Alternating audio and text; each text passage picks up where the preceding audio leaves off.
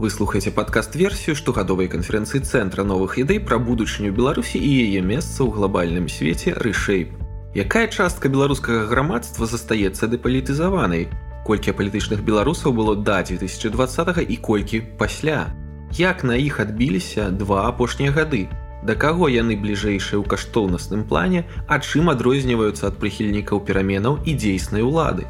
Ды і ці магчыма ўвогуле перацягнуць іх на свой бок?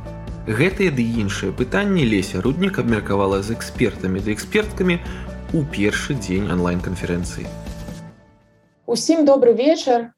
Э, мы радыя, што вы далучыліся да нашай канферэнцыі рішэй. Вы ведаеце, напэўна, калі сочыце за нашымі каналамі цэнтра новых ідэй, што гэта штогадовая канферэнцыя. Э, бывае нават два разы на год праводзіцца.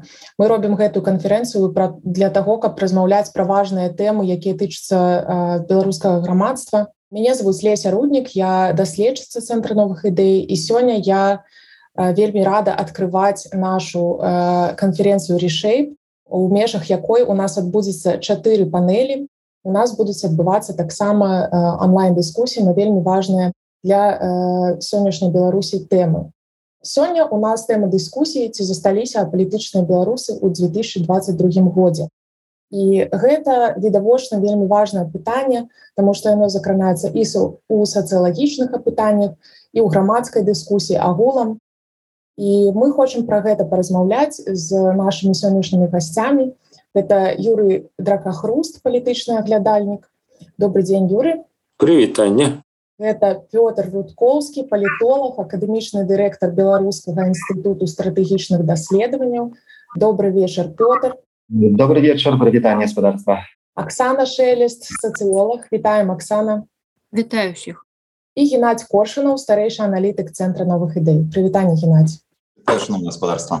Зараз э, хочется пачаць з такога э, невялікага уступу хочется попросить наших спикераў э, патлумачыць як яны бачаць розніцу паміж паняткамі апалітычны і дэпалітызаваны бо апошнім часам мы бачым у грамадскай дыскусіі вельмі часто альбо падмену паняццяў альбо неразумення того что значыць гэтыя паняткі что значыць апалітычны беларус что значыць дэпалітызаваны беларус і перад тым як мы пярэдзем да больш глыбокіх пытанняў хочется акурат паспрабаваць ўсё ж таки намацаць аснову гэтай дыскусіі праз э, невялікую такую рефлексію что ж мы разумеем под э, апалітычным альбо дэпалітызаваным грамадствам.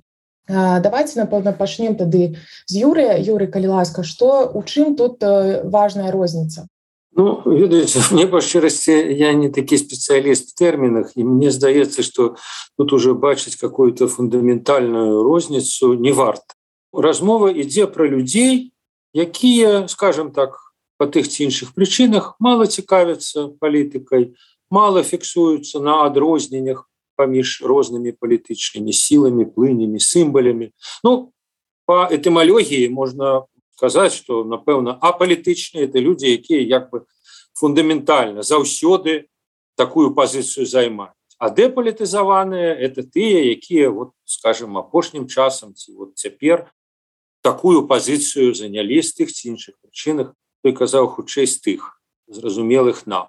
Вось але я бы вот мне здаецца что варта тут як бы выключыць крышечку такой ну крыху такой я не ведаю грэблівае такое негатыўнае адценне лічыць что норма это як бы выразная палітычная пазіцыя а это не норма.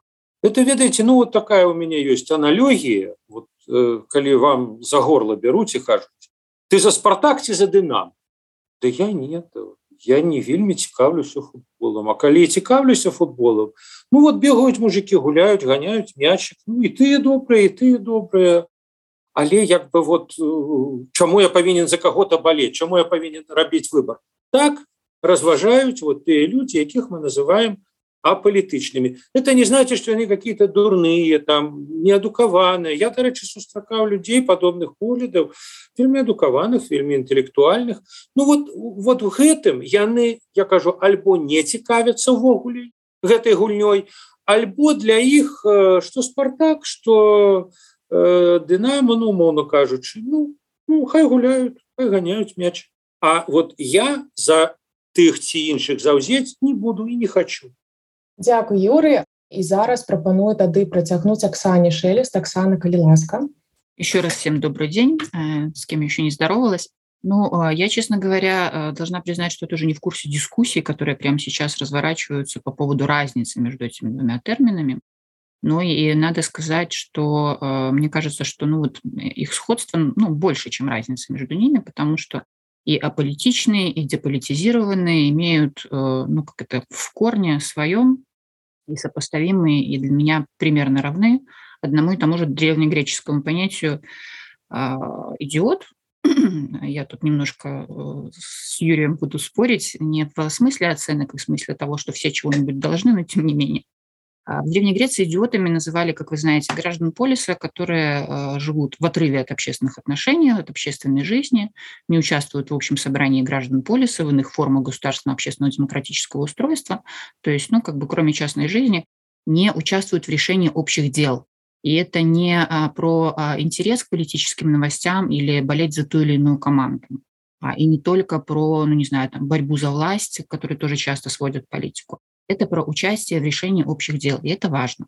Конечно, в нашем языке слово «идиот» имеет другое значение, оно действительно сейчас оценочное, но мне кажется, что вот это понимание про а, про ну, специфику, да, специфику политического, неполитического человека, специфику там, отношения к жизни и к общим делам, а не только к ну, не знаю, каким-то пристрастиям, да, и взглядам.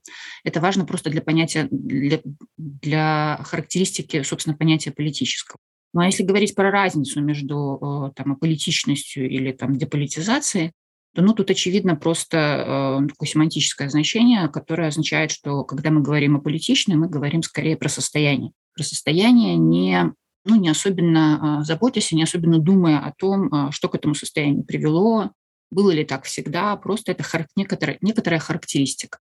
Когда мы говорим про деполитизацию, мы действительно говорим скорее про процесс. Да? То есть мы говорим про какое-то направление, про то, что что-то меняется про э, людей или про граждан э, мне вот, честно говоря, сложно так говорить, но э, то, что может быть э, процессы деполити деполитизации могут идти, это может быть деполитизация общества, там каких-то групп, например, или еще что-то, ну, это, да, это очевидно. И э, ну, сегодня для нас, может быть, это имеет значение, учитывая ну, так, такого рода различия, такого рода разница, а учитывая, ну, просто, ну, не знаю, такую динамику как бы нашей политической ситуации и того, как бы тех обстоятельств, в которых мы сейчас живем. Спасибо. Дякую вялікі Аксана геннадзь што вы думаеце на гэты конт ці варта праводзіць гэтую мяжу паміж палітычнымі дэпалітызаванымі беларусамі Дякуй я вось у этом пытанні хутчэй падтрымаю з некага боку спадарню Аксану Таму што я цалкам згодны што калі мы кажам пра дэпалітызаваных адзінае што я б хутчэй тут выкарыстоўваў такі панятак як абыякавая так, гэта ступень уключанасці чалавека у працэсы. І такая частка грамадства ёсць які якім не да чога что называется так з аднаго боку. З другога боку калі мы кажам про дэпаліці дэпалітызацыю я таксама тут бачу хутчэй працэс э, працэс подвышэння ці паніжэння градусу характарыстыку дынамікі і таму э, можна казаць з аднаго боку і пра наяўнасць ці адсутнасць вось таких абыякавых у грамадстве з аднаго боку з другога боку пра ступень э, палітызаванасці альбо дэпалітызацыі тых палюсоў грамадства якія намеціліся ў двадцатым годзе то бок э, гэта хутчэй гэта вельмі такія паралельныя пытанні ці пытанні якія стаяць побач але яны крыху розныя Дякую. Дякую, вялікі геннадзь. Пётр, вам слова. Розніца паміж палітычнымі і дэпалітызаванымі беларусамі?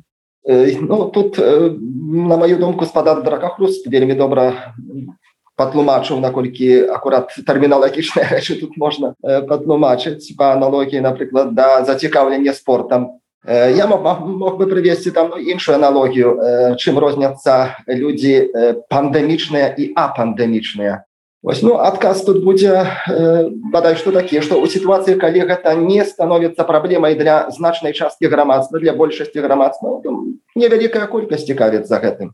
Хто там цікавіўся да ковіда 19 вось інфекцыйнымі захворваннямі і праблемамі коронавіруса ці рознага роду іншымі там эпідэміямі пандэміямі. Ну, не невялікая колькасць грамадства вялікая колькасць грамадства значная колькасць грамадства зацікавілася гэта тым калі гэта ну, стала э, закранаць наўпрост іх і іхныя сем'і.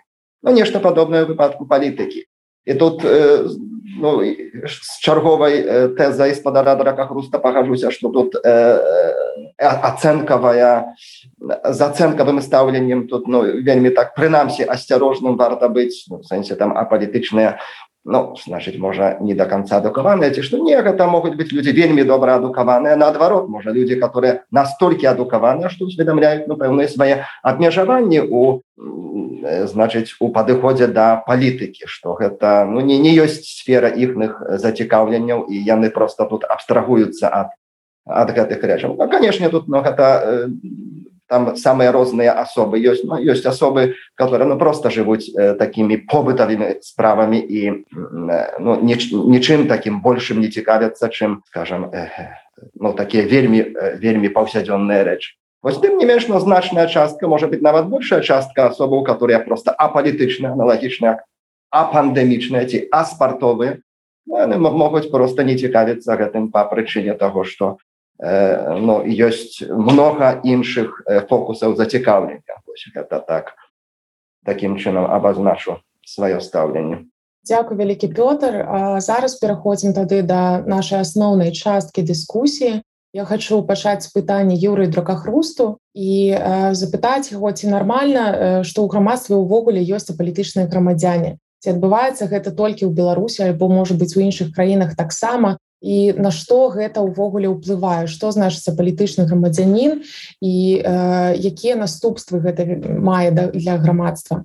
Ну, мой адказ что это абсолютно нормально і что в прынцыпе все грамадствы так ці інакш утрымліваюць значную частку калі не большасць э, людзей а палітычных ці дэпалітызавана э, я прынамсі э, прыведу прыклад э, есть такая кніга двух даследчыкаў алманда верба палітычная культура дзе яны там э, палемізуюць з вядомым вобразам дэмакратычнай краіны что эта краіна як бы палітычна актыўных грамадзянаў якая вся складаецца з такі яны там показваюць на конкретнай статыстыцы на конкретным аналізе что это не так нават в самых дэмакратычных краін причем нават там дзе як бы э, вот такі вобраз дэмакратычна э, актыўнага грамадзяніна это ідэал они там приводят статыстику не по беларуси не по мьянме а по сша людям задают пытание ці павінен грамадзянин актыўна удзельнічаць у дзейнасці сваёй э, грамады общин 51 так а вы асабіста удзельнічаете 10 а чаму ну, так же все складывается знаете все складаны яны вот там и пишут про тое что большая частка ці прынамсі значная частка людзей яна як бы прынамсі функцыянальна часткова часова дэпалітызаваная. Грамадства не знаходзіцца ўвесь час то называется на маршы на палітычнай мабілізацыі. Але дэмакратычнае грамадства в адрозненне аўтарытарнага э, яно як бы знікае праблема і вокруг нее возніка узнікае палітычная кандэнсацыя узнікае палітычная мабілізацыя лада гэта ведае люди ведаюць что они это могуць зрабіць и в этом сэнсе в этом сэнсе э, я еще раз подкрэсліваю э, деполітызаванасць это хутчэй хутчэй норма чым палітызаванасць і э, сканчаецца мобілізацыя і люди як бы идут на дэмбель э, дарэчы цяперашняя вот ситуация ну, с всякими жахами и всем остатнім але вот маё люди моего поколения памятаюць миллионные наклады огонька московских новостей як э, рвали э, як бы як горячие пирожки там какие-нибудь новины бнф какие-то листки.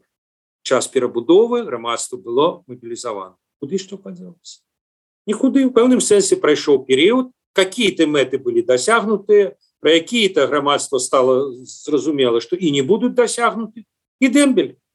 И это не значит что это неправильно штосьці Дзякую вялікі юры зараз давайте может быть пярэдзем да больш такога пытання па лічбах паспрабуем пагаварыць пра то як можна замяраць апалітычных беларусаў і калі гэта магчыма было зрабіць за 2020 году то было б вельмі цікава паслухаць пра развагу на той конт увогуле колькі таких людзей было колькі было апалітычных беларусаў да 2020 году бо мы сцвярджаем што ёсць пэўная такая пэўны працэс палітызацыі з пачатку 2020 але як зразумець што гэты працэс пайшоў як это можна паказаць на лічбах калі магчыма.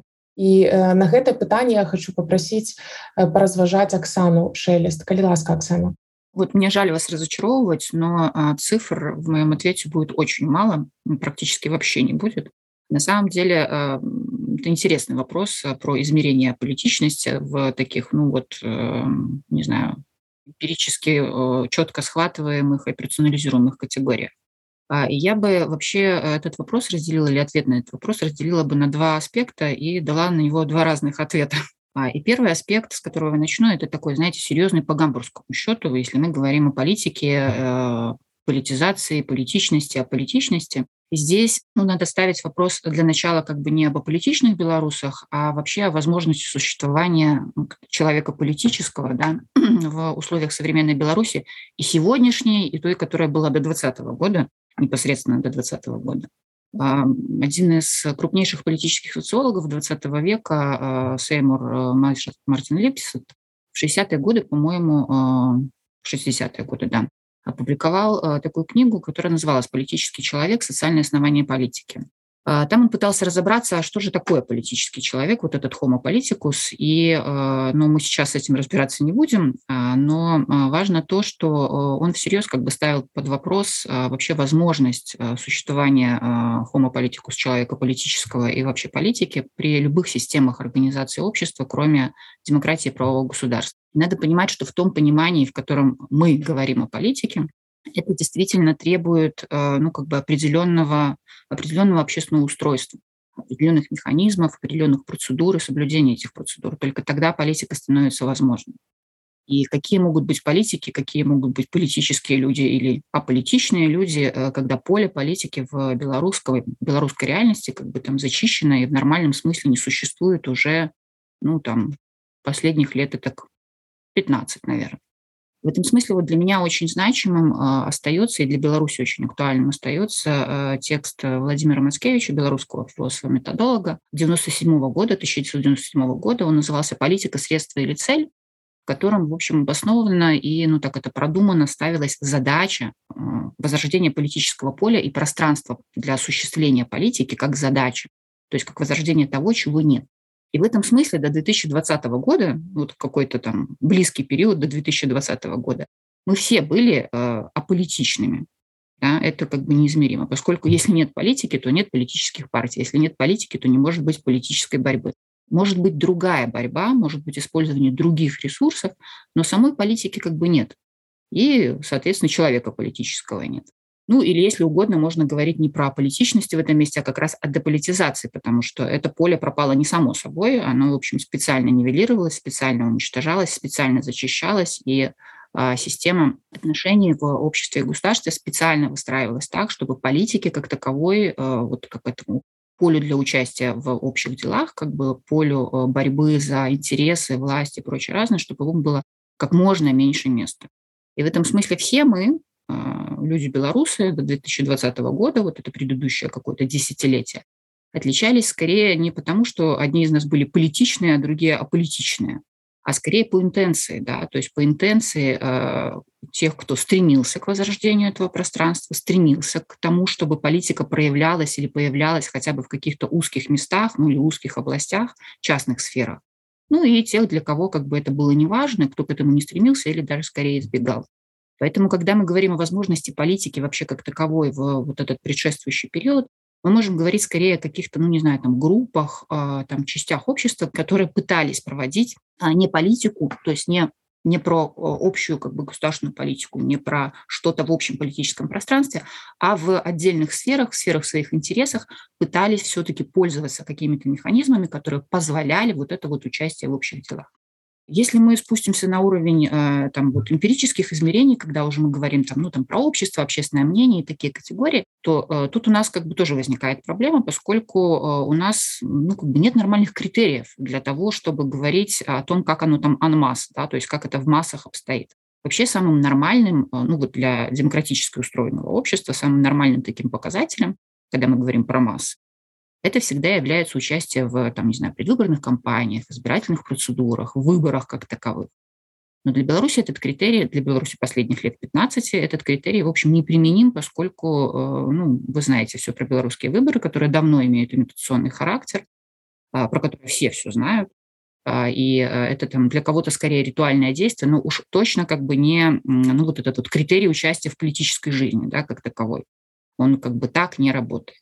Там еще какие-то критерии, которые мы используем для того, чтобы ну, вот мерить эту политичность, а политичность ну, как бы конкретных людей, когда мы говорим про общество в целом, это, ну, не знаю, там интерес к политике, да, интерес к политическим новостям, а, заинтересованность э, там в этой теме, какие-то действия. Ну, в этом смысле, э, возможно, в белорусском обществе до 2020 года по сравнению с Америкой э, было все не так уж и плохо, про которое как бы когда писали. А, потому что, ну, как бы данные разных опросов говорят, что, ну, там вот интерес к политике, политическим вопросам, политическим новостям такой вот наблюдательный интерес, болельщицкий интерес, про который говорил Юрий, ну, это где-то там пятая часть общества, то есть процентов 20 – это люди, которые как бы там в разных слоях, в разных группах там, ну, устойчиво интересовались там вопросами э, белорусской и, и, и мировой, там, европейской политики, то есть имели к этому хоть какое-то отношение.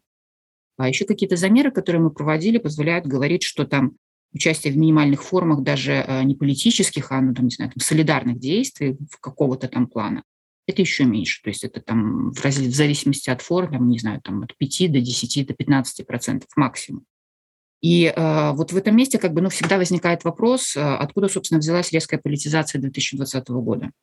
Потому что это действительно был процесс политизации, э, и он как будто, ну, вот, как будто на пустом месте возник. Э, это не так вот последние 10 лет э, мы не наблюдаем э, роста ну, вот этих критериев, которые традиционно можно э, считать относящимся к ну, вот этой вот политичности, а политичности, то есть интереса к политике или там стремления как бы, или компетенции или еще чего-нибудь, всего этого не было. Но эти последние 10 лет это скорее рост автономности, это падение там патерналистских настроений, уровня патернализма, такое своеобразное взросление людей, и в 2020 году происходит просто ну, такой качественный скачок, да, не количественный, а качественный, когда белорусы, э, можно сказать, захотели возрождения политики, возвращения политики, возвращения там, права выбора, этого самого права участия в определении уже не только вопросов своей частной жизни, в которой они научились определять как бы, ну, себя и быть самостоятельными, но, в принципе, захотели вернуть как бы себе это право и там по поводу общественной жизни. Спасибо. Дякую Оксана. Геннадзь акурат вот тут вам слова для того каб паразважаць про тое ці э, даст нам зразумець колькі ўвогуле сёння ў беларусі дэпалітызаваных ці апалітычных беларусаў і ці варта нам чакаць што таких людзей стане ўсё больш і больш улічваючы э, рэпрэсіі улічваючы пэўную такую аб'якавасці расчаравання э, участкі грамадства. Чаго варта чакаць і ў якім мы сёння статусе датычна дэпалітызацыі грамадства? Ну, глядзіце я б як на гэта пытанне адказаў. Наўпрост так вось э, по аднаму двум тром пытанням адказаць цяжка але э, агульнае такое вось складывается такое адчуванне что сапраўды ёсць і абыякавыя так якія пойдуць просто за тым хто будзе першы хто атрымае победу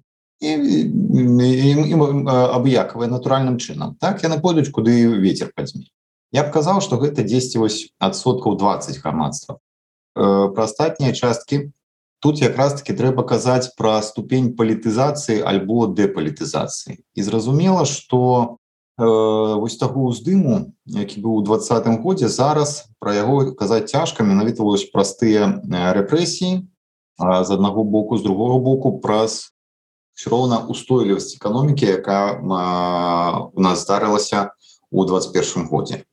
Але тут что трэба разумець? Палітызацыя з аднаго боку гэта такі экзістэнцыйны працэс вось про тое тое про што казала Аксана пра ўзрастанне беларускага грамадства так пра асэнсаванне сябе і пра з'яўленне жадання нешта вырашаць вось такая вялікая палітызацыя так, субстанцыянальная калі заўгодна ёсць сітуатыўная это сітуатыўная гэта тое што выплёскалась на вуліцы это тое што вяло людзей галасаваць і гэтак далей гэтак далей гэтак далей дык вось вось гэта сітуатыўная палітызацыя пра е зараз сказаць цяжка Таму что ну фактычна не тое што няма ніякіх умоў для яе праяў улады робяць усё каб задушыць любыя магчымыя прасторы таких праяваў і любыя інструменты знішчыць і таму вось такая знешняя палітызацыя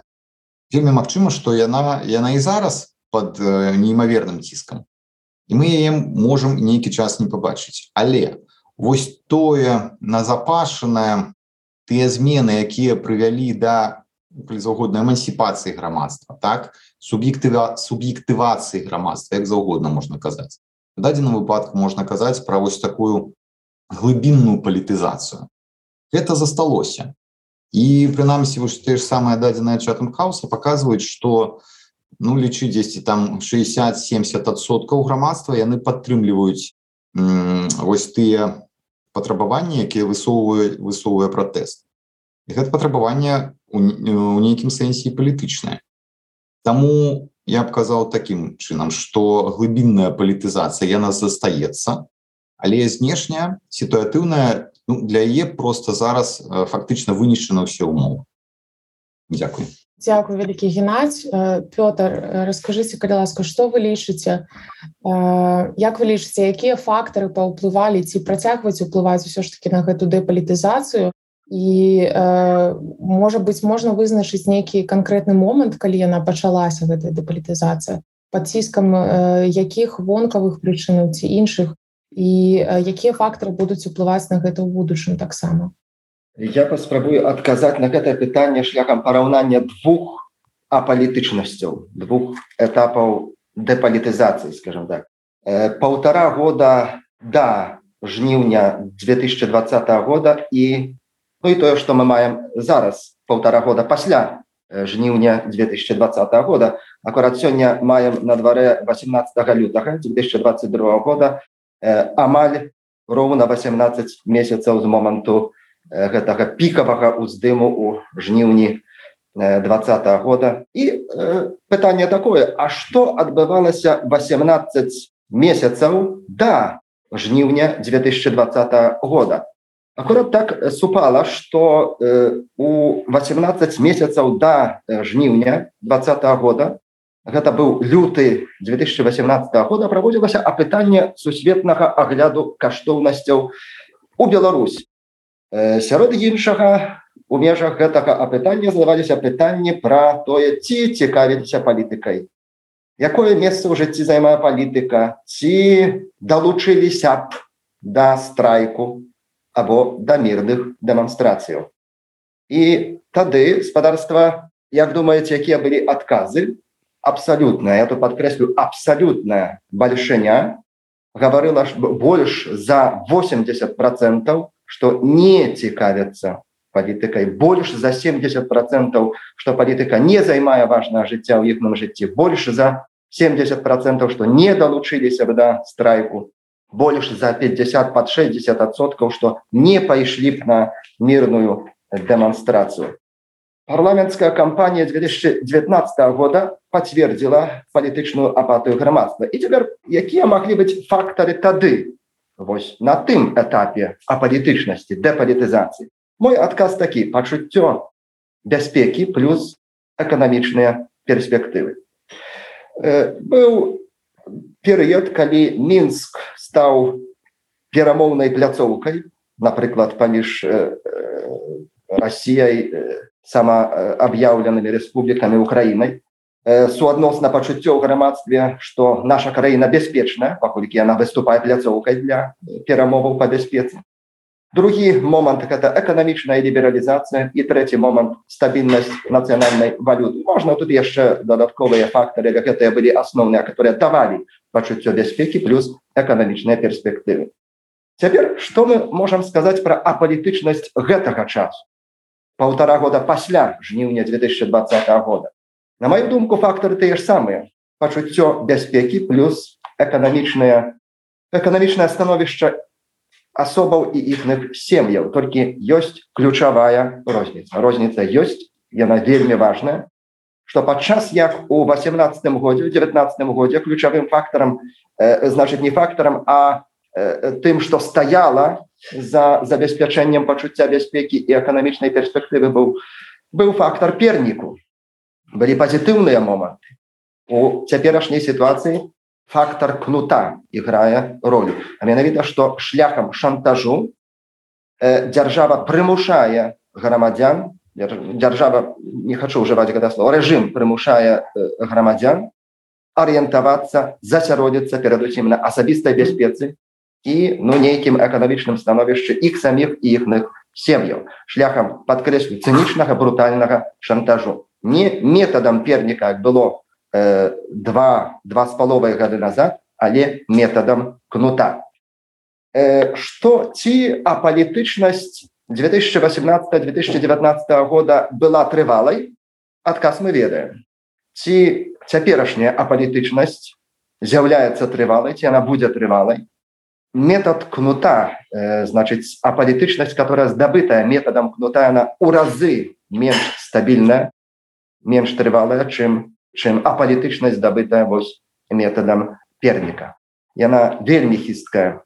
І фактары застаюцца тымі самымі але у пэўны момант гэтыя фактары якраз могуць паспрыяць выбуховай новай палітычнай мабілізацыі. Дякую вялікі Пётр. І зараз мне б хацелася перайсці да наступнага блоку пытанняў у якім мы паразважаем пра тое як апалітычныя беларусы адрозніваюцца ад іншых групаў грамадства то бок ад прыхільнікаў пратэсту і ад прыхільнікаў уладаў калі можна умоўна падзяліць грамадства на такія тры вялікія часткі. І вот маё першае пытанне будзе да Аксаны Аксана як вы лічыце чым каштоўнасна адрозніваюцца апалітычныя беларусы ад прыхільнікаў пратэсту і прыхільнікаў уладаў Ну вот я в отличие от Петра немножко по-другому оцениваю белорусское общество а, и думаю, что оно уже а, некоторое время как а, переросло нижние этажи пирамиды Маслоу, которых, собственно, кроме безопасности и экономических критериев хлеба, достатка, больше ничего нет. Если мы размышляем вот именно в этой триаде сейчас, когда говорим о сторонниках протеста, сторонниках власти и тех, кто как бы между ними. А, я, наверное, не размышляла бы сейчас о ценностях, потому что, я уже говорила это несколько раз, мне представляется, что а, на сегодняшний день, а, даже вчерашний день, на 2020 год, на конец 2020 года, политический конфликт, политический кризис и политический конфликт, который был им вызван, перешел в конфликт этический.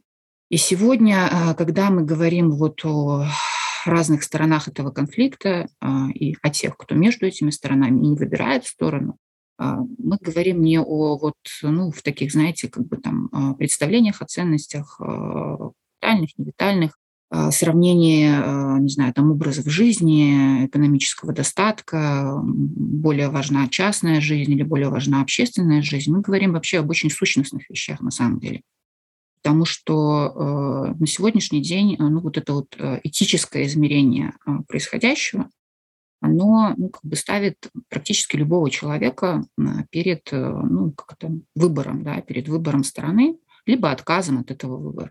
Поэтому, когда мы анализируем вот эти разные стороны конфликта, мы можем говорить о разных этических системах, о разных, разном отношении к насилию, об отношении к принципу «цель оправдывает средства», о способе решения вопросов общественного устройства, как бы вообще вопросов, да, там, уничтожением одной стороны, либо там, необходимостью диалога и консенсуса. Но я понимаю, что поскольку сегодняшний наш разговор, он а, об аполитичных людях, то сегодня как бы эта политичность, это в том числе а, отказ, отказ от этических оценок, из, избегание этического выбора, да, избегание этического отношения. То есть уход в, э, ну как это, уход в такую позицию, в которой это даже не моя хата с краю, хотя, в принципе, похоже. Это позиция моя хата с краю, я ничего не знаю. Попытка как бы ну, закрыть глаза на происходящее. И это ну, как бы уже не ценностное измерение, это измерение этическое. Спасибо. Дякую вялікі Аксана і у мне будзе тое ж пытанне тады да Петра Пётр як вы бачыце розніцу галоўную у каштоўнасцях гэтых трох групах грамадства? Палітычных беларусаў прыхільнікаў пратэсту і прыхільнікаў уладаў? Ну, ці ёсць розніца ў каштоўнаснай сферы? Мачыма ёсць. Тут больш э, бачыў бы розніцу больш істотную розніцу когнітыўнага характару. Ёсць асобы которые цікавяцца палітыкай палітычнымі працэсамі ёсць асобы которые не цікавяцца гэтым цікавяцца зрэдку што такія рэчы як дэмакратыя аўтакратыя выбарчы працэс грамадзянскія палітычныя працэсы такія рэчы рэдка з'яўля становяцца аб'ектам рэфлексій. Рэчы вяртаючыся вось да апытання 2018 года цікавы момант у гэтым плане быў што 55 процентаў асобаў заявілі што дэмакратыя гэта добрая альбо вельмі добрая палітычная сістэма і тыя ж самыя 50 процент 55 процентаў заявілі што сістэма дзе моцны лідар не лічыцца з парламентам і выбарамі таксама добрая сістэма де-факто падтрымлівалі і дэмакратыю і аўтакратыю. Гэта вынікае менавіта з ну, когнітыўных момантаў зноў жа без ацэнкавага характарызавання просто ну, людзі не, не, мог, не могуць цікавяцца усе усімі сферамі не, не ўсе людзі цікавяцца палітычнымі момантамі Ну, калі спрабаваць рэканструяваць э, каштоўнасныя установкі апалітычных э, асобаў зноў жа яшчэ трэба было б адрозніць паміж сітуацыйна палітычных і трывала апалітычных Вось ну, але тут ужо можа не, не будзем гэтыя нюансы э, браць пад увагу агульна калі сказаць. Ну частка складана сказаць як, якая там частка. Ну, частка э, апалітычная по той прычыне што просто засяроджана на, на чыста побытавых э, справах Вось але ну пэўная частка по той прычыне што свае вышэйшыя патрэбы ну, вышэйшыя сэнсе пазнавальныя духоўныя культурныя патрэбы реалізуе ў іншых сферах. У рэлігійнай сферы у спартыўнай сферы мастацкай харытатыўнай сферы. Ну, палітычная сфера не ёсць адзінай адзіным месцам адзінай сферай дзе можна самарэалізоўвацца на культурным грамадска-культурным узроўню Вось, ну, гэта тут я іногда перадусім кажу каб так рэалістычна зразумець значит чаго можам спадзявацца ад грамадства что гэта спадар ракафрус зрэшты звяртаў на, на гэта ўвагу гэта характэрна не не толькі беларускам практычна ўсім грамадствам ці амаль усім так дзеля асцярожнасці скажам Вось а нават калі ёсць такія грамадствы ці которые увесь час жывуць палітычнымі пытаннямі можна паставіць пытанне сапраўды гэта сапраўды гэта добра можа і добра але тут ёсць пэўныя пэўныя нюансы которые трэба было узяць пад увагу ну, карацей кажучы вось тут бачыў бы у когнітыўнай сферы і вот э, таксама э, момантах э, которые былі абазначаны что некаторыя реалізоўваюцца апрача тых что толькі жывуць побытавымі справамі могуць реалізоўвацца ў шэрагу іншых сферах Дякую Пётр Юры акурат тут успомнілі ваше меркаванне про тое что аплітычнасць гэта не унікальная з'ява для Беларусі так вось калі паспрабаваць паразважаць на каго можна сказаць падобныя палітычныя беларусы з наших краінаў суседак ці нейкіх іншых грамадстваў з кім можна параўнаць палітычных беларусаў Ну я пачну з таго што ўсё ж таки крыху прывяду нейкую статыстыку не кажу что она абсолютная но вот чатам хаос робіць классификацию там факторный анализ значит и там у них фигуруюць группы. Это э, ядро протеста бастыён лукашенко ну, понятно это вот края политычные и неутралы ну нейтралы это не зусім палітычныя люди. Нейтралы могут быть просто люди памяркоўных поглядаў але вот як бы з что называется с избытком вот, оценивают группу э, скажем о политычных это нейтрал то есть они как бы покрывают. Это 40 отцов каля 40 отцов амаль полова грамадства Так что в любым выпадку мы говорим не про маргіналію мы говорим не про некую вот маленечкую группу. А что тычыцца установок вот этих аполітычных людей? Э, ведаеце они я думаю вельмі, э, я еще раз полтору яны вельмі розныя і э, калі напрыклад вот ядро лукашэнкі это ўсё ж таки ну, як бы з аднаго боку чыноўнікі то есть люди довольно высокого ўзроўню але их не так і шмат. А вот калі брать массу прихильников лукашенко массу бастиона это конечно низкий социальный по ўсіх позиций адукация жыццё там малых городах ці в вёсках пераважна жанчыны а нейтральные вот як бы не э, деполітызаваныя ведаеце я просто у меня вот уласны досвед я памятаю некалькі гадоў гадоў 5 тому звярнуўся не буду называть так редактарки э, одной э, одного вельмі гламурнага популярнага кіпстерскага выдання. І дарэчы я ад яе тады цікава пачуў там потым я запрасіў перадачу про 3 ліпеня і пытаю ее ну а вот скажите вот для вашего поколения 3 ліпеня свята она кажа ну да в принципе свята конечно. Ну ведаете для нас не меньшее свято это день молодого божаля я думаю что после жніўня двадцатого года этот человек не будет ставить свято молодого божале. Побач третьим ліпенях як бы она не ставілася до третьего ліпеня И я про тое, что вот это, так сказать, свято молодого божале, это так само бачение, позиция. Оксана может лечить эту позицию аморальной. Не, нет, коли ласка. И больше того, ведаете, вот по досведе российской революции пятого года, того, что было после яго, магчыма, дарэчы, уже как кажучи нашими реалиями, вертание гламура, вертание зыбы, зыбицкой, как как реакция на поразу революции. И на реакцию. Тады это было миновито так 6 9 1906 1909 год. И я не выключаю что гэта чакае и Беларусь таксама вот мой отказ Дякую Юрый геннадзь что вы думаете на гэты конт? Ці падобныя палітычныя беларусы да нейкіх іншых краін суседак ці падобны мы да напрыклад расійскага грамадства украінскага Я б сказаў, што хутчэй да украінскага чым да каго з бліжэйшых суседзяў, таму што на мой погляд сітуацыю Беларусі зараз даволі спецыфічна ў тым сэнсе, што каб не было залішняга пафасу, але ўсё роўна скажу так ідзе амаль што вайна.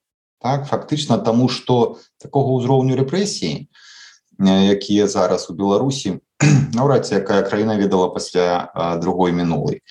Э, я кажу не просто э, нават не тое не толькі про тых хто попал за краты але гэта і звальненні гэта і профілактычна усялякія гутаркі. Я думаю что ну, на жаль лічбу таких няма але ну ці не кожную сям'ю закранулись вось гэтыя працэсы. З аднаго боку з другога боку даволі выразна мы бачым плюсы. Ці за ці за одну позицию ці за другую. І тут вось э, можна фактычна зразумець тых хто адмаўляецца рабіць выбор так? Гэта могуць быць і тыя хто ну умоўна кажучы так? Дачка за один полюс сын за другі полюс А что бацькам рабіць? Яны кажуць так все я не, не, не хочу гэту бойку улазіць напрыклад ці яшчэ что-небудзь То бок э, гэта палітычнасць можа быць вымушаная з аднаго боку. З другого боку і дэпалітызацыя таксама можа быць выклікана гэтымі працэсамі і я б не параўноўваў сітуацыю якая зараз у нас э, ні з кім ну хіба что я ж кажу вось з Украіны у якое правда свае фактары і прычыны але э, вось такі падзел э, сістэмны на ўзроўні ну гэта сапраўды хутчэй нават не каштоўнасны такі а на ўзроўні светаўспрымання. Ад таго з кім сябраваць да таго як ставіцца да дзяржавы і хто мусіць э, адказваць за амаль паўсядзённы выбор? Сам чалавек ці гэты выбор э, трэба аддаць на карысць дзяржаве і э, я думаю что вось сапраўды калі глядзець на грамадства то э, шчыра апалітычных людзей так іх будзе не так шмат. Я ж кажу э, вось тое что я бачу гэта адсоткаў 20 максімум гэта тыя хто засяродзі засярожаная менавіта на сваёй паўсядзённасці хутчэй за ўсё у іх не так шмат грошай у іх не так шмат іншых ресурсаў яны просто баяцца згубіць тое што маюць. Мы я вось так бы адказам Дякую вялікі геннадзь А зараз э, хачу перайсці да наступнага э, нашага такога апошняга блоку які э, можа падацца не вельмі лёгкім але агулам паразмаўляць пра тое як можна ўплываць на гэтых апалітычных беларусаў і ці варта гэта рабіць. І першае маё пытанне будзе э, да Аксаны ці варта ўвогуле спрабаваць палітызаваць апалітычных беларусаў? Ну, вот когда мы ставим вопрос таким образом, стоит ли предпринимать какое-то действие или не стоит, на него невозможно отвечать, э, ну, как это научно, да, или объективистски, э, потому что э, это всегда, ну, как бы некоторая ответственность, то есть стоит или не стоит что-то делать, зависит от установки того, что вы хотите сделать. А, и мне вот сейчас очень тяжело говорить о таких вопросах с такой, как это, объективно отстраненной позиции по поводу того, как оно должно там обстоять при а, ну, не знаю, в какой-нибудь нормальной ситуации, вот как Юрий рассуждает, э, сколько там, можно ли избегать выбора, нельзя ли избегать выбора, морально это или аморально, потому что я буду говорить с э, точки зрения э, той ситуации, в которой мы сегодня оказались, и которая, на мой взгляд, там, требует выбора и разрешения в силу того, что ну, как бы мы находимся в условиях, в которых мы теряем людей, и, в общем, там, теряем страну, теряем нормальную, не знаю, там, шансы как бы на нормальное существование как бы в будущем. А, и здесь, когда мы говорим а, вот об этой задаче, о политизации политичных белорусов, если мы говорим о тех, кто ну, вот сейчас избегает этого выбора, избегает формирования отношений, то есть ну, как-то пытается спрятаться в норку а, и не замечать, ну или как-то отстраниться от существующих вызовов, определить сторону, на которой он находится, то ну, я бы сказала, что на самом деле это не первостепенная задача. Объясню почему. Во-первых, э, вот э, нет особой деполитизации сегодня, ну, по крайней мере, в тех терминах, в которых мы сейчас вот это все обсуждаем, э, не происходит никакой деполитизации в белорусском обществе. То, что есть демобилизация, то, что есть там задавленность и, ну, не знаю, репрессивное давление, которое не позволяет проявляться вообще как бы никакой инициативе, это очевидно и это понятно. Но а, вот все, что произошло в 2020 году, оно никуда не делось. В этом смысле ничего не изменилось. Страница не перевернута, а, новых предложений нет. А, и а, скорее вот это социальное напряжение, а, оно скорее нарастает, как бы, чем затухает. То, что мы не видим а, активных действий, так это не потому, что а, изменились установки или люди сказали, ай, ладно, и пошли обратно в свою частную жизнь. Это потому что сейчас как бы нет возможности для этого действия, и они действительно связаны, любая возможность связана с огромными рисками, и вопросы там безопасности, они таки тоже имеют место. А второе, как бы, почему это не самая там, актуальная задача, не первостепенная, во всяком случае, э, это политизация аполитичных людей, тут я уже с Юрием скорее соглашусь, потому что это заблуждение считать, что в, особенно в таких ситуациях, как наша, а, что-то определяется волей большинства. Да? То есть вот мы как у нас будет больше 50% политичных белорусов, так, значит, сразу все изменится. Нет, это неправда. Понятно, что здесь действуют другие силы, другие механизмы.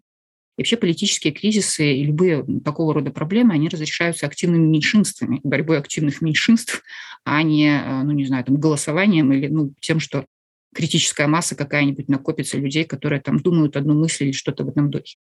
Поэтому э, гораздо более важная задача на сегодня, как мне кажется, это скорее с организацией, синхронизация действий тех, кто выбрал сторону. Ну, для нашей стороны, во всяком случае. И еще одна очень важная задача, и это важная задача для всех, и для политичных, и для политичных белорусов, это э, гражданское политическое образование, я бы так сказала. Понимаете, проблема в том, что э, мы вот в 2020 году захотели возвращения политики, но нам не хватает э, элементарных знаний, элементарных представлений, не знаю, умения ориентироваться в ситуации, опознавать политические действия, реагировать на них соответственно. Ну, просто потому что у нас нету как бы это, этой практики долгие годы не было. И события 2020 года показали в том числе и это, когда э, был этот как бы массовый подъем, э, когда эта политизация шла, мы как бы не смогли сделать из нее инструмент, который действительно позволил бы организовать политическое поле. Ну, то есть политику как э, вот это вот столкновение разных сил и возможность э, договариваться и решать конфликт цивилизованным образом, а не так, как он был сегодня разрешен. И э, вот прямо сегодня, я бы сказала, белорусское общество проходит очередной тест. очередной тест на политическую грамотность, на политическую состоятельность. И это не про референдум, про который вот там уже есть у нас один вопрос. Это совсем про другое. 4 февраля известный белорусский методолог, философ, общественно-политический деятель Владимир Мацкевич после шести месяцев заключения объявил голодовку, добиваясь прекращения имитации следствия и передачи своего дела в суд. Сегодня заканчивается 11 день этой голодовки, и поскольку требования его не выполнены, завтра он собирается перейти к сухой голодовке, то есть практически ставит на карту не только здоровье, но и жизнь в вот своей индивидуальной борьбе с режимом. И вот способны ли белорусы а, сегодня увидеть в этом шаге не только там, не знаю, там, вот эту индивидуальную борьбу человека за свои права, за свое там, достоинство, за свободу, но возможность политического действия. Способны ли они сорганизоваться в таком действии, помня, что ну, там, политика – это не только всегда там, борьба за власть, да, но это искусство возможного, это возможность достигать э, там, своих целей имеющимися средствами. Я не знаю.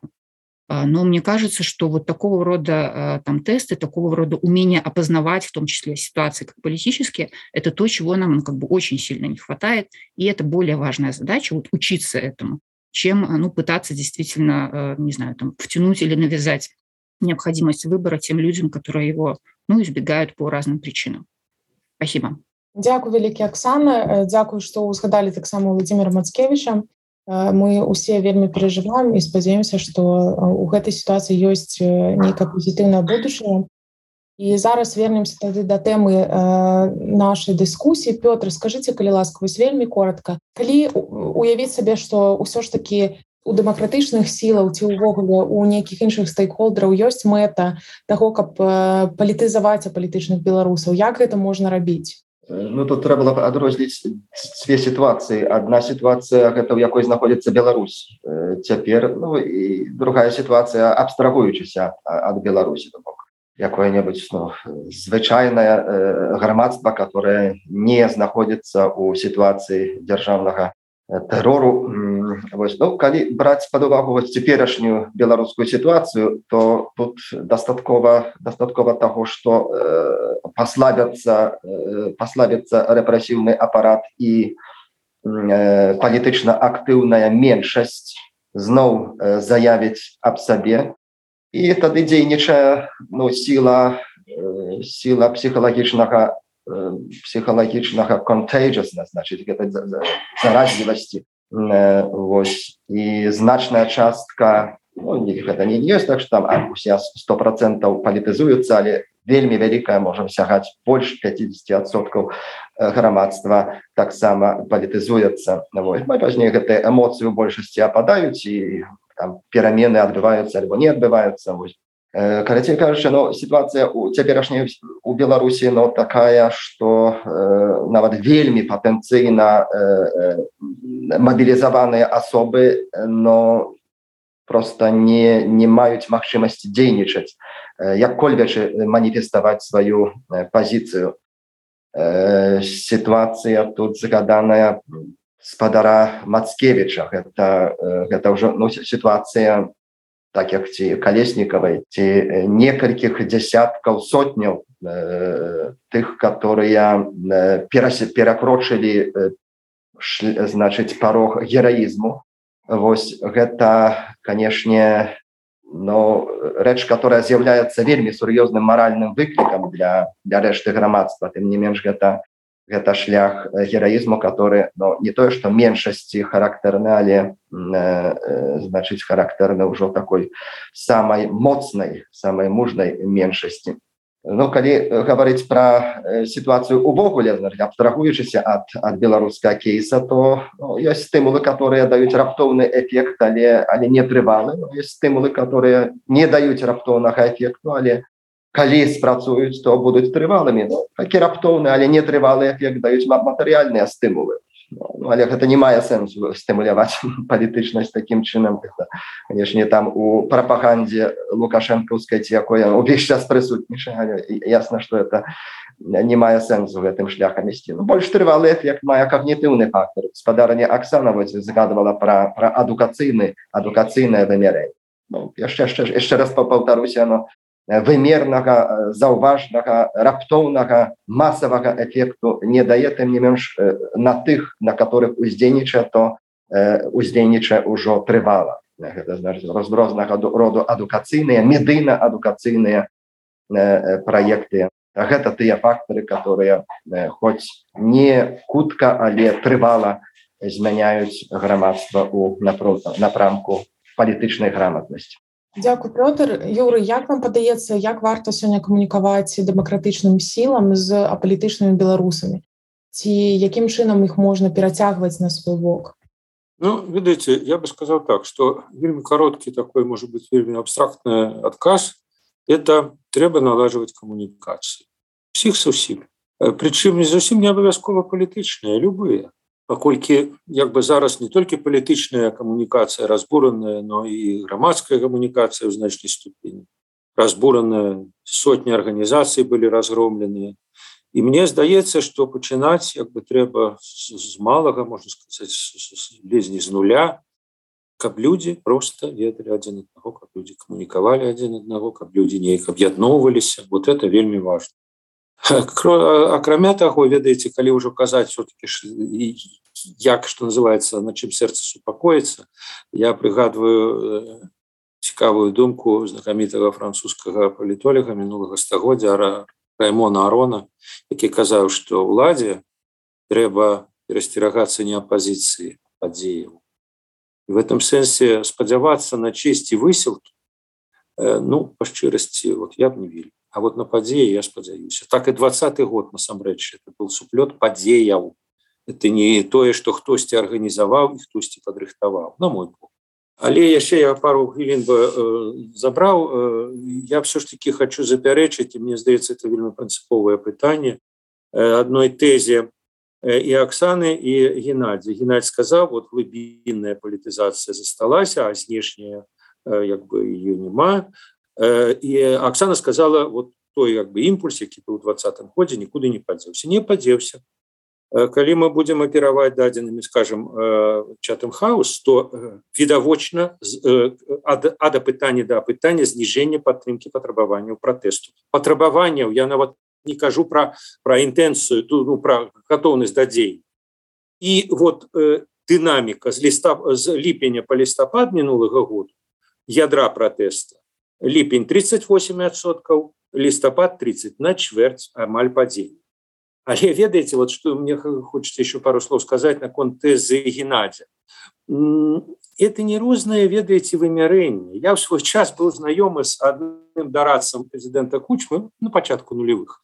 І он так со смехам мне кажа что ведаеце у украінцаў стаўленне да кучмы як да дажджу ну вот дождь ну мокра ну брыдка ну праціўна але які дурань будзе крычаць далоў дождж парасон возьме. Вот так реагуе так реагавала украинское грамадство паводле словаў дарацы э, самого кучма так вот тое что вы называете генераль глыбінная палітызацыя это не ставленне уже як да дажу ну, добрыка А что ты можешь зрабіць? Нічога. І не хочу рабіць. Потому что в двадцатым годзе была вера то что мои выселки могут принести плен а зараз нема. Нема. Дождь это изноў дождь. Да жніўня двадцатого года это был дождь. Лукашенко таксама не все любили. Але цяперашняе стаўленне это вот такое. Ну, плечи обуху не перешипеть. Да это обух это кепска. Но от того что люди кепска ставятся до лукашенки это не значит что это протестные настрои. Так что я не могу погодиться с тем что нічога не змянилось и не змянилось и вельмі шмат и принципова Дякую. Дякую Юры. Я акурат хотела перадаць слова геннадзію геннадзь будзе тады магчымасць адрэагаваць на рэпліку юры і таксама э, паспрабаваць можа быць паразважаць вось э, наконт э, такога пытання ці можа ў бліжэйшы час узнікнуць нейкае вакно магчымасцяў якое зноў палітызуе беларусаў зацікавіць іх у палітыцы альбо э, заставіць больш яскрава скажем так праяўляць свае палітычныя меркаванні што гэта можа быць сапраўды я спачатку зрэагую. Вось на тое што казаў спадар юры адносна палітызацыі. Ці ведаеце вось на мой погляд на двадцаты год ён змяніў вельмі шмат. Так вельмі шмат змяніў перш за ўсё у самаадчуванні ва ўспрыняцці ўлады і тое что не атрымалася у двадцатым это не значыць что яно не атрымаецца ніколі зразумела что зараз ёсць расшраванне так ёсць дэпрэсія ёсць рэтраўматызацыя.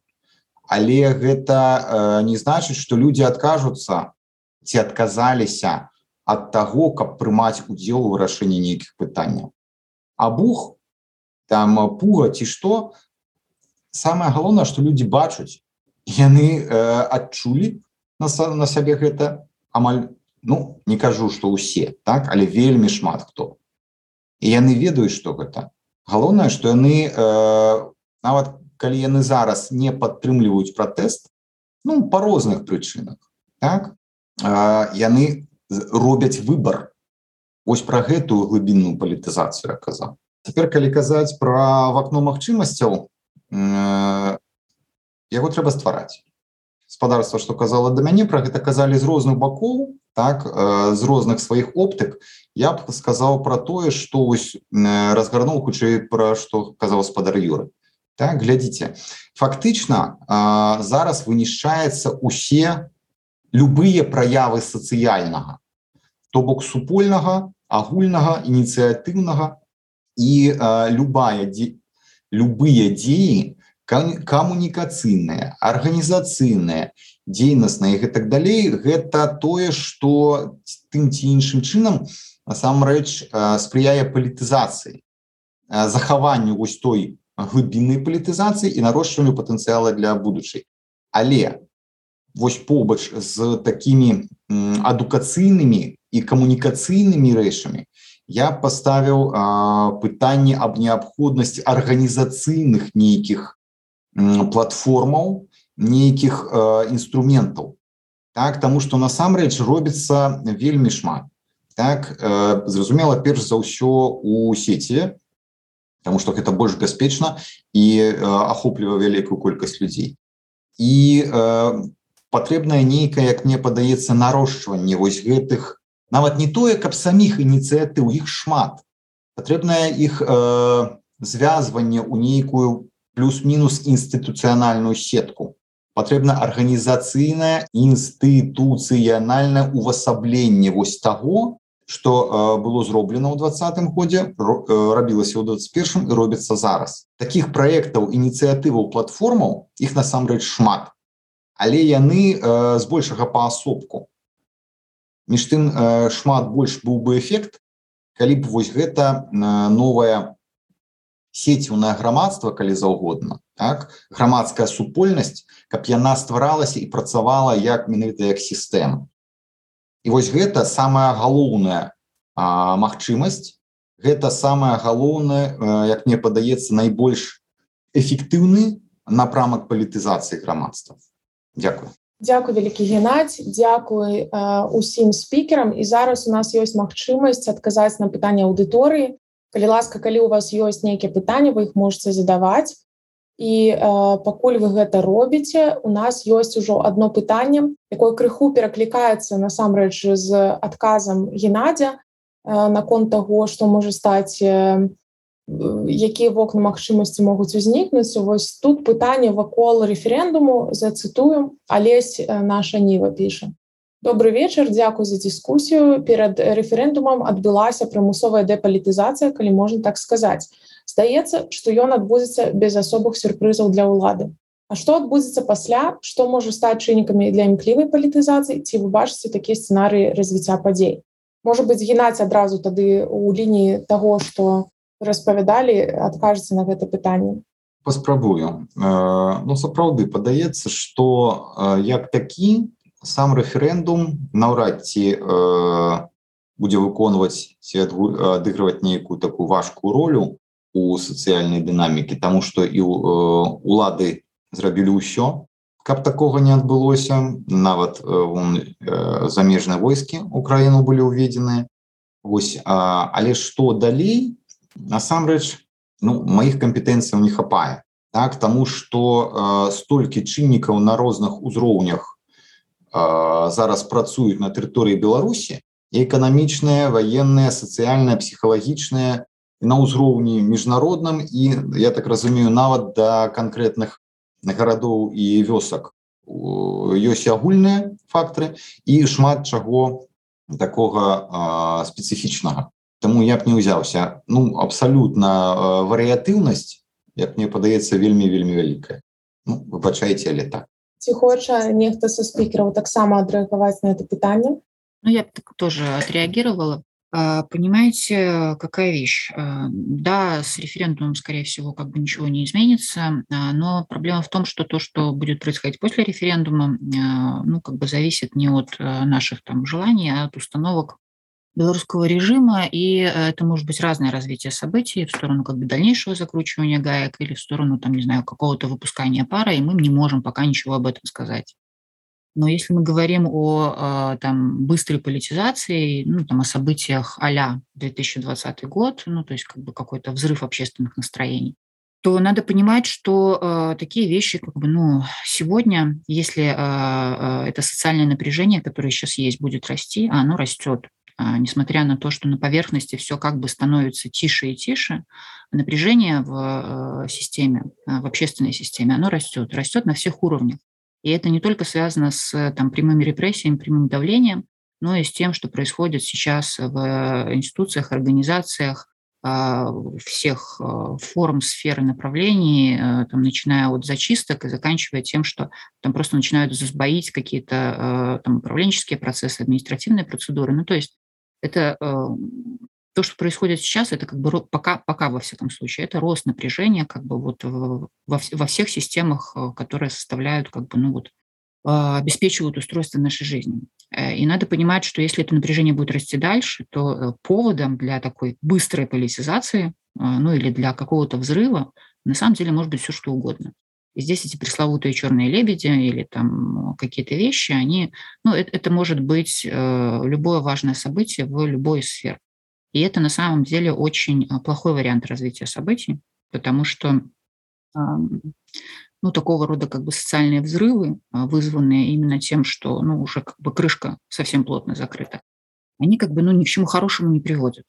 А поэтому а, второй вариант, другой вариант развития событий – это а, не расчет, то есть на, на что еще мы можем рассчитывать, если не на черных лебедей, на которых рассчитывать бессмысленно, можно быть просто пытаться готовым к тому моменту, когда там, такой повод появится и какие-то взрывы будут происходить. Это, собственно, вопрос вот этой, ну, как это, подготовки и то, о чем я говорила, и о том, о чем, о чем говорит Геннадий, да, то есть попытки вырастить или там на основе а, тех настроений, а, тех а, представлений, того импета, того представ... нового представления о себе, потому что как бы одним из итогов 2020 года является то, что у белорусов появилось новое представление о себе, о себе как белорусах, о себе как нации, о себе как об обществе, которое способно как бы совсем на другие вещи, а не только открывать зонт, э, когда идет дождь, особенно когда уже идет не дождь, а в общем вполне себе град, а то и камни с неба.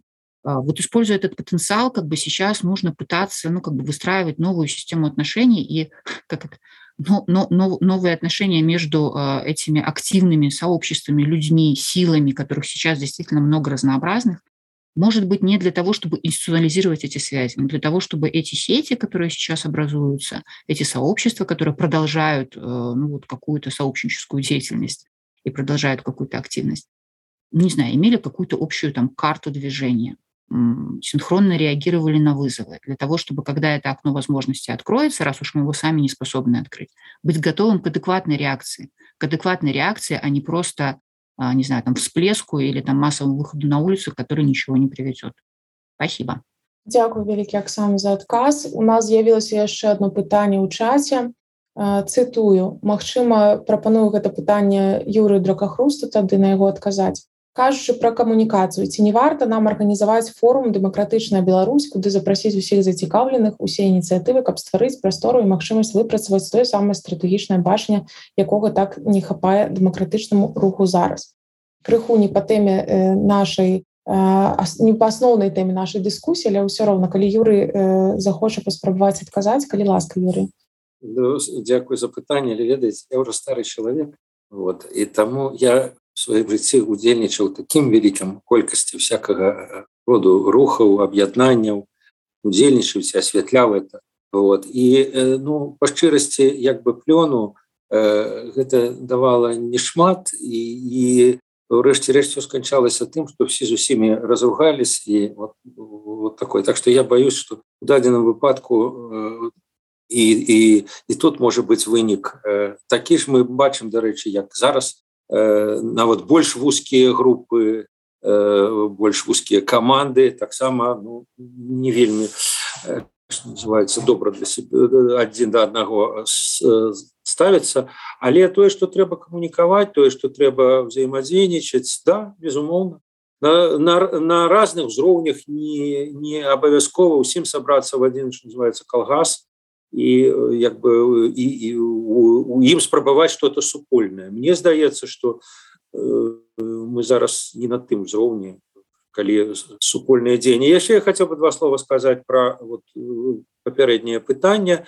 Ну я все-таки згодная з першай часткай того что сказала Оксана что сапраўды какие-то такие великкія чорныя лебедзі.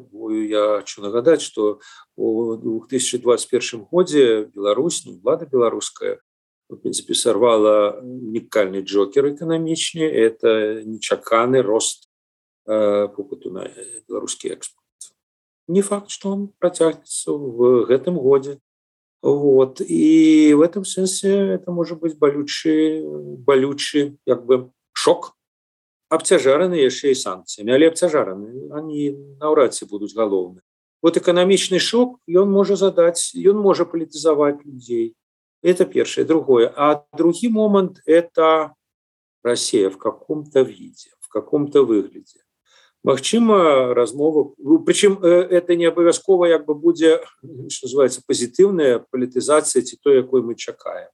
Але адзін магчымых варыянтаў калі яны будуць праціскаць сваю военную прысутнасць значна большую чым зараз. Мачыма сталую Мачыма ратацыйную. Але это не не спадабаецца многім беларусам. Вот. І это можа стварыць цікавыя камбінацыі.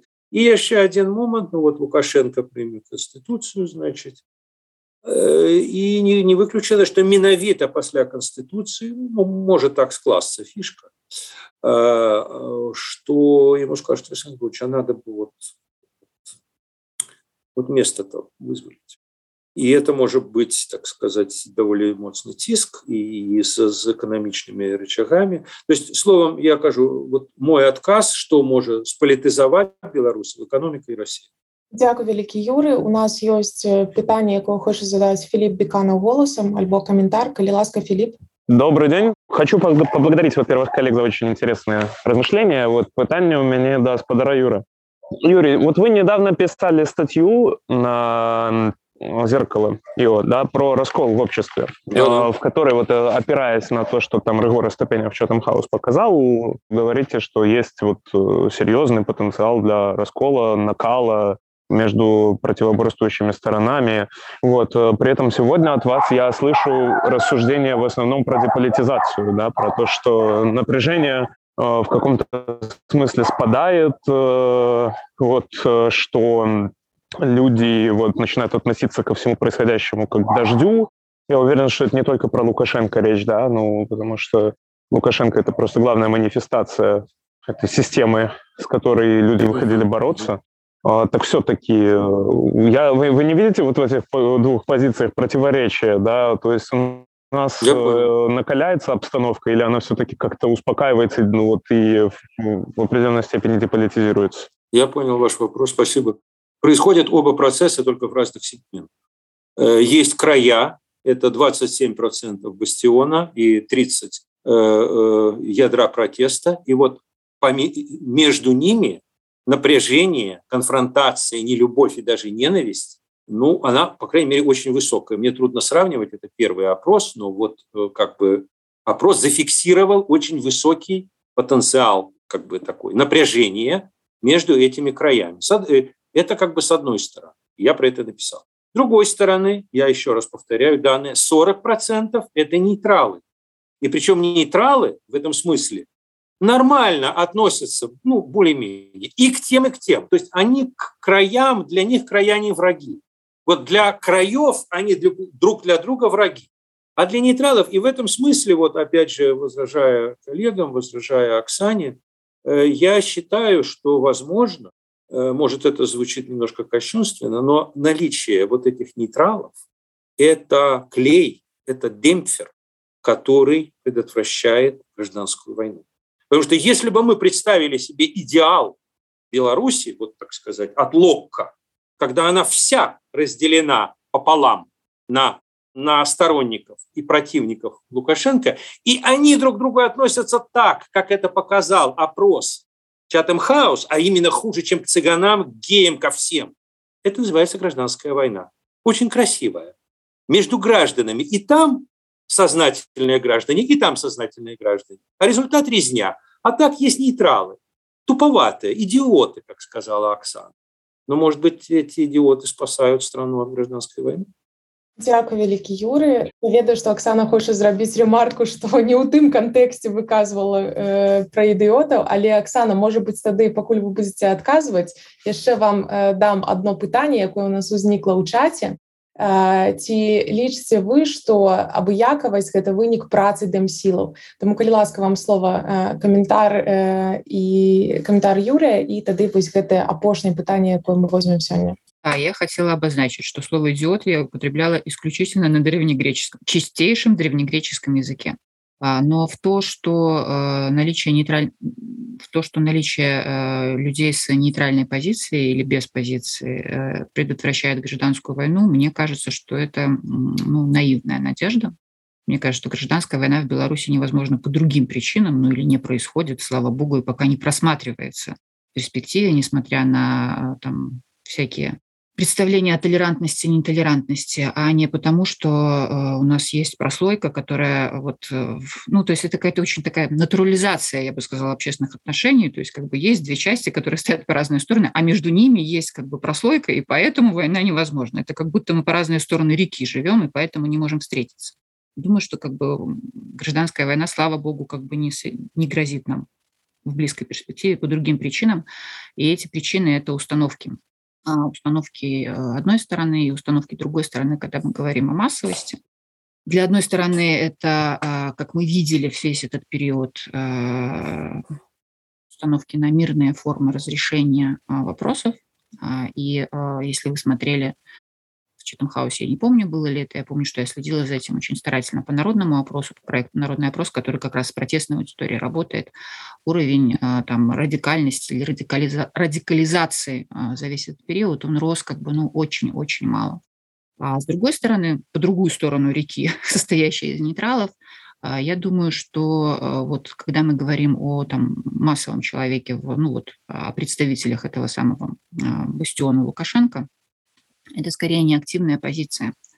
А, это а, выбор, да, но это выбор без, а, ну как это, без, без активной защиты и без активного представления о том, что как бы это позиция, которую надо активно отстаивать. И в близкой перспективе я не вижу активизации в этом направлении, потому что, по крайней мере, пока режим рулит, ну то есть пока мы остаемся в политически той ситуации, в которой есть, у сторонников режима нет никакой необходимости его защищать. Поэтому у нас просто нет сейчас никаких поводов для гражданской войны. Что касается вопроса по поводу того, является ли э, это обуяковость или равнодушие э, выником работы, результатом работы демократических сил, ну, мне э, хотелось бы переспросить, что имеется в виду и какая обуяковость. Но э, да, та ситуация, в которой мы сегодня оказались, она является результатом э, наших совместных действий. И надо понимать, что ну, как бы нужно принимать на себя, в том числе эту часть ответственности, которая лежит на нас. А, на э, тех, кто в 2020 году хотел перемен а, и не смог э, там, сорганизоваться, добиться и сделать так, чтобы, ну, я уже говорила, да, чтобы вот этот потенциал, общественный потенциал, потенциал общественного взрыва стал инструментом политических изменений. Конечно, это результат э, нашей работы и наших недоработок которую нужно понимать, анализировать а, и анализировать э, не для того, чтобы покаяться в ошибках или а, назвать кого-то виноватым, потому что вот про Демсил я сразу себе представляю, про кого идет речь, а для того, чтобы извлечь из этого как бы должные выводы и э, дальше действовать по-другому, а не так, как мы действовали в 2020 году, использовать другие представления, другие схемы, больше понимать там про себя, про то, чего нам не хватило в 2020 году, а, и что, должно, что мы должны иметь для того, чтобы вот в ситуации, когда возможности откроются, а, на этот раз воспользоваться ими а, более успешно. желательно с меньшими потерями спасибо Дякую вялікі Аксана і яшчэ раз дзякую усім спікерам за тое, што змаглі далучыцца да нас сёння.